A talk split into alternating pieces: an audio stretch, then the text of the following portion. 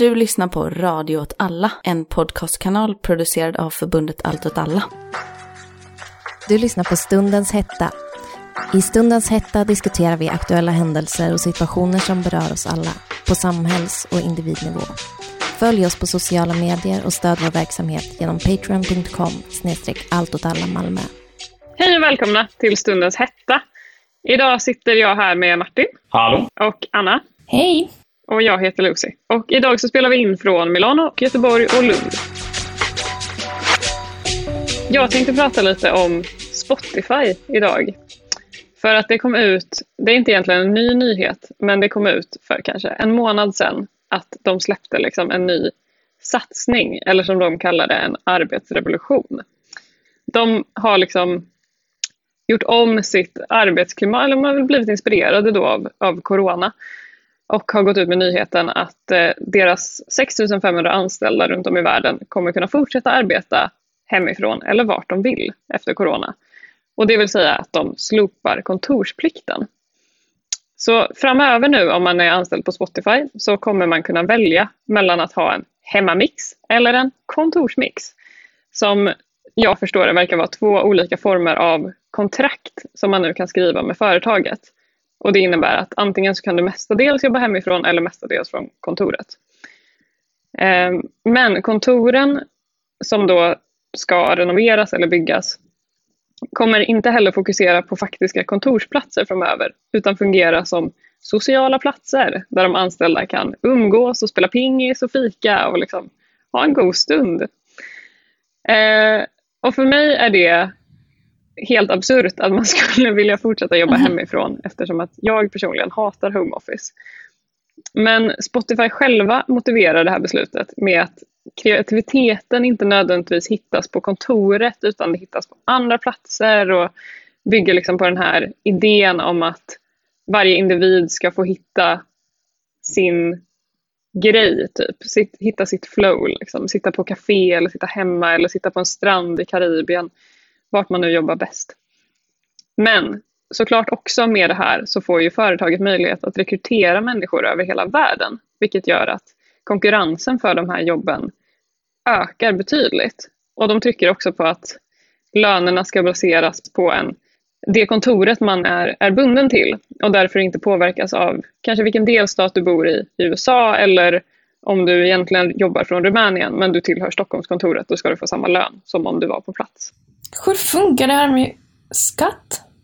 Ja, det kan man fråga sig. Jag tror att det jag har läst om det här verkar att det, det verkar inte vara helt uttänkt utan de har liksom har sagt att de löser vissa problem as they go along så att säga. Men varför jag tycker att det här är intressant är för att jag tycker inte att man kan undgå att känna liksom en sorts dystopisk känsla av det här och att det är som en, en ganska jobbig utveckling att ta med sig från pandemin där vi flyttas från våra kontor och sociala sammanhang till det isolerade hemmet.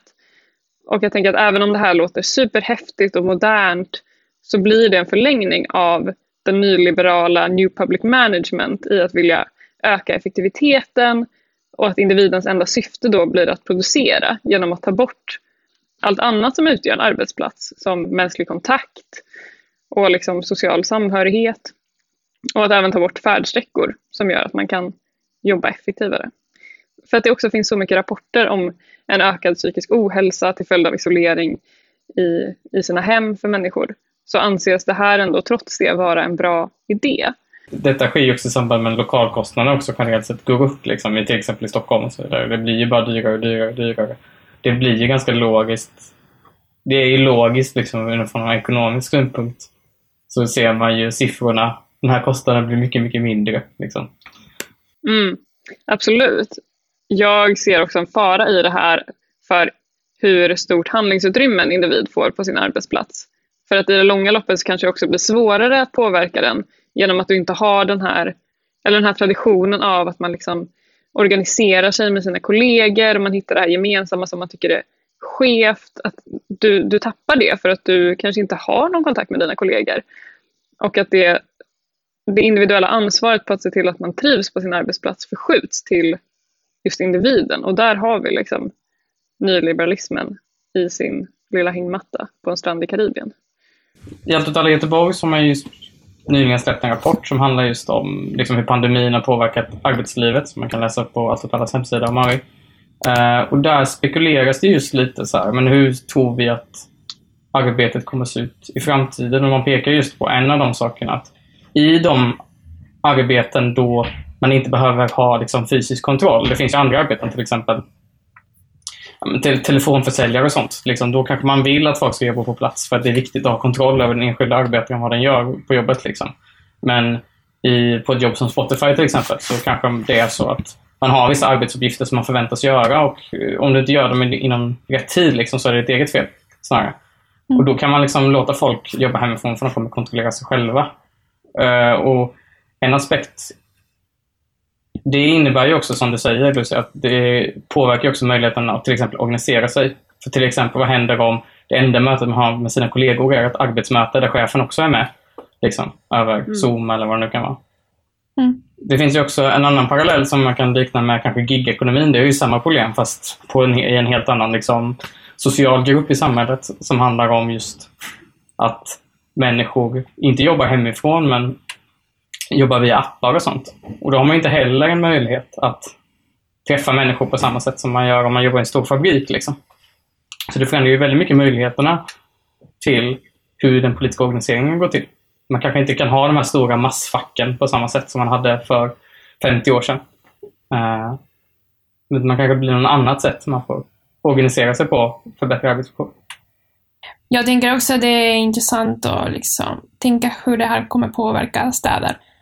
För att det, det, det har man sett redan en utveckling där eh, priset för eh, land har gått upp väldigt mycket.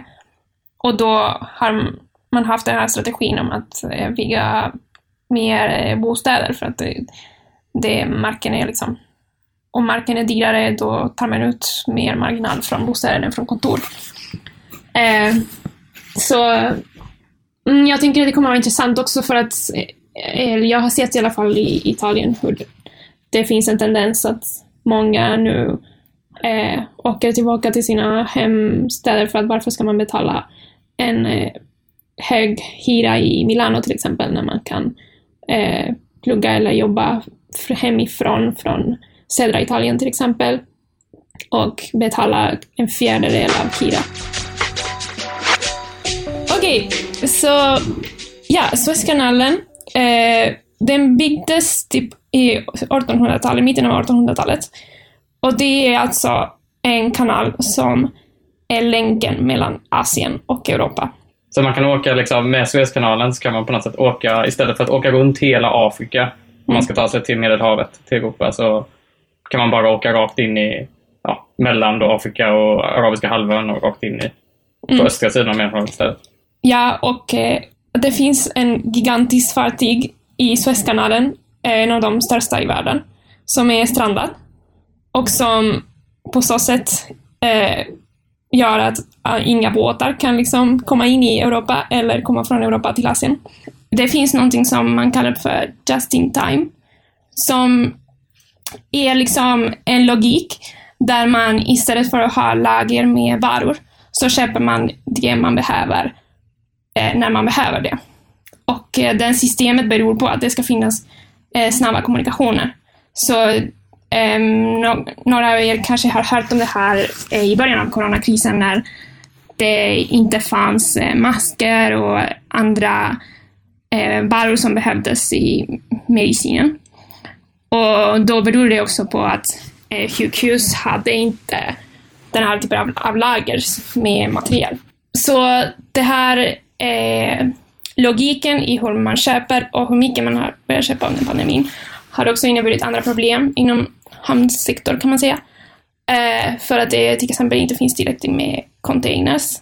Eh, så den här eh, olika som är någonting som kan hända liksom, men det också har hänt eh, i en speciell tid där det finns mycket trafik och där vi är så beroende av den här trafiken och att den trafiken ska gå snabbt.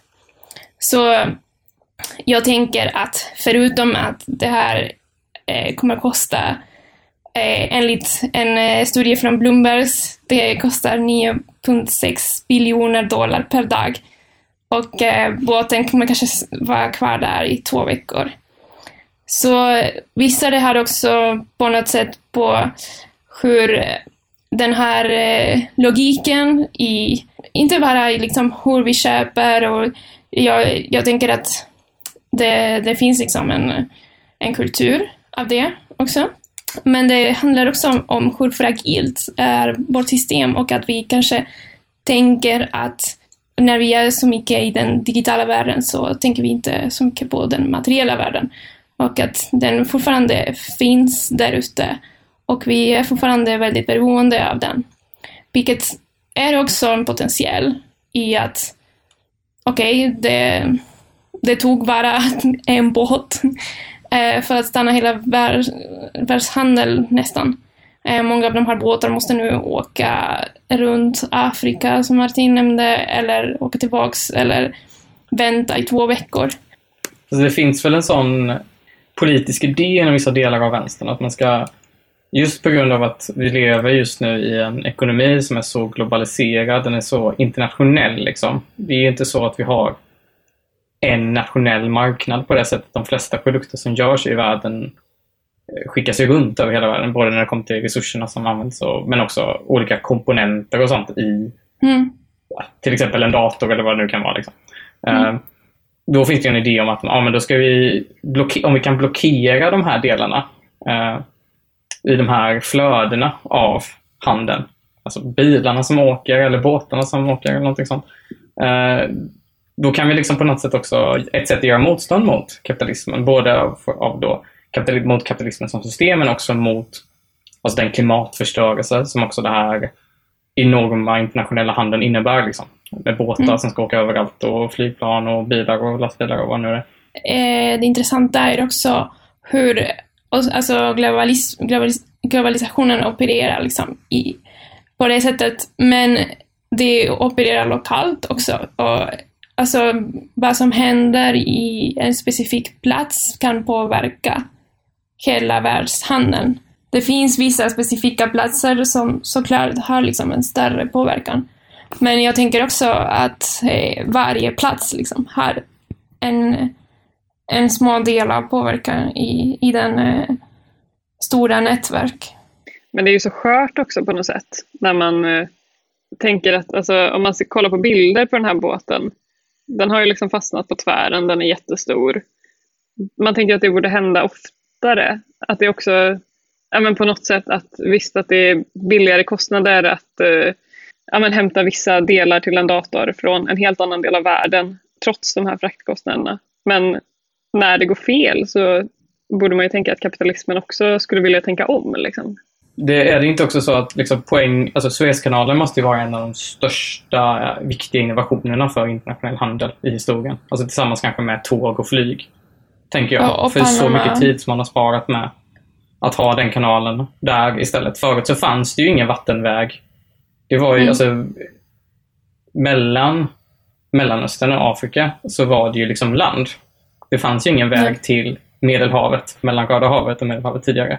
Men just med Suezkanalen, så har man ju skapat det. Ehm, Mm. Så det har ju inneburit jättestor skillnad i världshandeln. Om man tittar på de här tidiga handeln, hur det skedde på liksom 1600-talet och 1700-talet. Liksom. Man åkte runt hela Afrika liksom för, om man ville, till Indien till exempel. Jag tycker också det känns lite kul när man ser sådana här bilder med typ när de försöker gräva ut det här fartyget. Och det är som att det här är liksom det största typ ingenjörs, en av, en av de största typ ingenjörs eh, liksom, framgångar eller och så står det typ en liten så grävmaskin och försöker ta ut den här färgen. Alltså det är, det är någonting som är lite så komiskt typ i att eh, det är så många personer just nu som sitter och är så desperata för att det här kommer liksom öppnas igen. För att de kommer förlora så mycket pengar. Och så är det någonting så banalt också. Alltså det är Mm. bara liksom en fartyg som hade stannat där för att det var storm. Men är det inte också att är det också lite att det, det är man bygger de här jättestora skeppen för att man måste handla så himla mycket. Alltså handeln blir bara större och större och större. Man måste handla med fler och fler prylar och då måste vi ha större och större skepp. Liksom. Och till slut så bara innebär det att de blir så stora att de blockerar hela Suezkanalen liksom, och då kan man inte handla längre. Ja. Till slut kanske vi har så stora skepp att de kommer att täcka hela världshaven så att ingen kan röra sig någonstans. Det är lite så att den här är den största och den håller typ 2000 eh, containers. Så det, det finns delvis en för stor ambition där. Nu är det ju upp till mig att återigen prata om ehm, Israel, detta land, detta förlovade land höll jag på att säga, ehm, som eh, har haft val. De hade val i tisdags. Eh, och jag pratade ju för, några veckor sedan också om hur olika konflikterna såg ut i det här valet och så vidare. Men, eh, och det har varit ett väldigt intressant val på många sätt. Högern har gått fram, framåt väldigt starkt. Men trots detta så har premiärministern, alltså Benjamin Netanyahu, han har inte lyckats ännu få en majoritet. Det vill säga det finns vissa i delar av högern som inte vill samarbeta eller göra Netanyahu till premiärminister. Och han har nyligen, vad jag förstår det nu, så har han bara ett mandat kvar för att lyckas bilda en majoritet i Israels parlament, i Knesset. Eh, men jag tänkte inte prata så mycket om regeringsbildningen, utan det får framtiden utvisa vad som händer där. Utan jag tänkte prata om någonting som hände morgonen efter valet i en by i Israel, eller en liten stad i Israel kan man säga, som heter Kfar Kassim. Och efter valet i onsdags, eller på onsdagsmorgonen, så sprayades graffiti på olika delar i den här byn där det stod deportera eller värre. Eller man kan också översätta det, eh, man skulle också kunna översätta det till deportera eller döda. Vilket då är riktat mot den arabiska befolkningen i den här byn. Det är en arabisk by, det här, i Israel. Och detta är ett av ganska många olika högerextrema dåd och hatbrott som riktas mot araber i Israel. Det finns ju en stor minoritet i Israel som är medborgare i befolkningen. Som bor liksom inom det, de liksom ordinarie gränserna i Israel. Israel ockuperar ju också Västbanken som ni alla vet är det liksom en majoritet är palestinier. Men i Israel så finns det en minoritet som är araber. Och detta är ju såklart hemskt och man kan säkert man kan koppla det här väldigt mycket till vad som har hänt i valet. För att det som hände nyligen var att ett parti som heter Otzma Yehudit, som är, betyder judisk makt. Man hör lite på namnet vilket typ av parti det är. Det är ett parti som förespråkar judisk överhöghet. Eh, de har kommit in i Israels parlament, i Knesset. Och de är en ganska intressant, ganska intressant parti för att de är arvtagarna till ett politiskt projekt som brukar kallas för kahanismen. Och om man inte vet vad kahanismen är så kan man säga att det är ett politiskt projekt som är döpt efter en person som heter Meir Kahane. Det var en, han var en väldigt stor eh, högerextrem rabbin på 80, 70-80-talet. Han blev mördad på 90-talet, har jag för mig. Och hans alltså, politiska idé var liksom att araber är judars eviga fiende. Araber och judar kommer aldrig kunna leva tillsammans.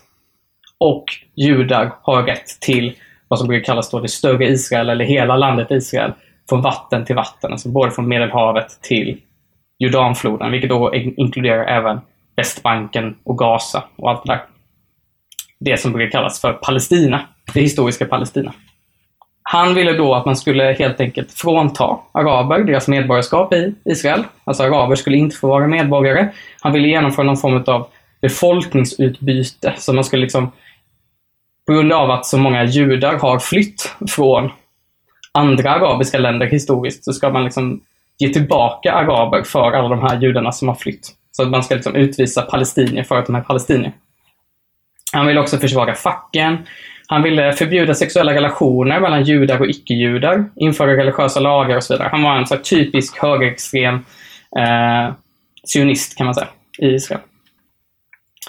Eh, det intressanta med honom är att han hade ett parti på 80-talet som hette Kach. De fick ett mandat i Knesset på 80-talet i ett val. Och det var jättekontroversiellt. Han har, de har försökt komma in länge, de fick ett mandat. Och liksom alla andra partier behandlade Kach, alltså med Kahanes parti, som liksom paria, kan man säga. när han talade i Knesset så gick alla stora partier ut i protest. Alltså han fick tala själv i den här plenisalen. Eh, och alltså alla partier gick ihop och kriminaliserade det här partiet. Man införde lagar som gör att man fick inte vara rasist i princip för att ställa upp i valet. Och då liksom tänkte man sig att kahanismen skulle försvinna. Men många av de här personerna som var med i Kahanes parti, de bildade senare ett nytt parti som heter Otzma Yehudit och det är de som nu kommit in. Frågan är, hur har de nu lyckats komma in? För egentligen så är det inte så att Otzma Yehudit, de har inte kommit över den liksom, procentspärr som behövs för att komma in i Israels parlament. Utan istället har Otzma Yehudit gått ihop, med en massa andra partier för att komma in i Knesset. Och liksom, genom att sammanföra en massa partier till en koalition så kan man få till många procent för att komma in i Knesset. Och många av de här partierna som ingått i den här koalitionen, de har varit ganska tveksamma till att bilda den här koalitionen till att börja med. Men det var en person som lyckades övertyga de här andra partierna att delta i den här koalitionen med det här Otzma Yehudit. Och det var ingen mindre än Benjamin Netanyahu, Israels premiärminister. Han har sedan 2019 försökt få in eh, det här partiet och deras mandat och deras röster in i Knesset. Han har velat använda dem som eh, ett underlag för hans regering. Och detta är en ganska stor skillnad för, från hur kahanismen behandlades tidigare. Så nu har kahanismen fått ett godkännande av självaste premiärministern. Och det är liksom inte en konstig utveckling. Under väldigt lång tid så har, kan man säga, Israel, israeliska högern kan man säga, gått åt ett mer, långt, mer och mer, vad ska man säga, rasistiskt håll. Man vill, man ger förslag som att man ska liksom eh, annektera större delen av antingen hela eller delar av Västbanken och de araber som bor, de palestinier som bor i Västbanken ska inte då räknas som likvärdiga medborgare som andra medborgare, till exempel som den judiska befolkningen. Netanyahu har då använt sig av det här partiet liksom för att själv få bilda en majoritet för sig själv. Även fast han nu inte ännu har lyckats, men förmodligen så kan han nog bilda en majoritet. Och detta är ju otroligt eh, farligt egentligen, om man tänker på eh, utvecklingen framöver. Och eh, vad det här kommer innebära, inte bara för de palestinier som bor i Västbanken, utan även de palestinier och araber som bor och är medborgare i Israel. Tänker också det skiljer inte så mycket från andra tendenser som man ser i världen. Eh, man tänker även på Sverige. Mm. Det är också det som oftast försvinner, tycker jag, när man pratar om de här frågorna, Israel-Palestina, om ockupationen och liknande. Att man, jag tycker att man väldigt sällan inte man liksom pratar om det på ett sätt som handlar väldigt mycket om någon form av, som om det var en geopolitisk konflikt mellan två liksom, geopolitiska parter. Men man tänker inte på att det här är människor som bor på exakt samma yta. Liksom. Uh, och det som snarare mm. händer är det snarare handlar om liksom, makt. Liksom. Och vilka människor som ges makt juridiskt, militärt, ekonomiskt i det här mm. lilla området. Liksom. Uh, och att det är politiska intressen som styr detta väldigt mycket. Att vänstern i Israel vill ju inte ha den här utvecklingen överhuvudtaget. Ja, de, liksom, även... de delar ju liksom samma politiska scen som till exempel de här kainisterna. Och väldigt, även väldigt skeva relationer i, alltså inom Israels eh, samhälle där många religiösa politiska grupper som har väldigt många privilegium från början Mm. Eh, och inte deltar i den här konflikten på samma sätt. Liksom, för att de gör inte militären, de, eh, de bor i specifika områden. Alltså, de är väldigt skyddat på något sätt av den, den konflikten i, liksom, i vardagen. Men mm. så, så har de väldigt mycket att säga om den. Liksom. Framförallt så tror jag att det är, det är bosättarna som är de riktigt drivande eh, i den här konflikten. Eh, eller i den, här, den, här, den politiska riktningen. Att bosättarna, de som bor då i Västbanken, enligt internationell rätt så bor de där olagligt. Eh, inte kanske enligt Israels, israelisk lag för tillfället. Men de, de har ju väldigt, väldigt tydligt drivit fram den här utvecklingen. Det vill säga, det de vill ha är mer mark, mer utrymme som bygger på att palestinier inte ska ha samma utrymme och samma möjlighet. Följ oss på sociala medier och stöd vår verksamhet genom patreon.com snedstreck allt åt alla Malmö. Ska vi, ska vi avsluta där? Ja, men ska vi säga hej? Ja, men Kalle klipper alltid bort det. Kalle Åh, klipper nej. alltid bort det. Okej. Om Kalle hör det här så vet jag, vill jag bara säga att jag vet att du klipper bort det här. Jag vet att du kommer klippa bort ett hej då. Jag säger hej då. Men vi kan säga hej då i alla fall.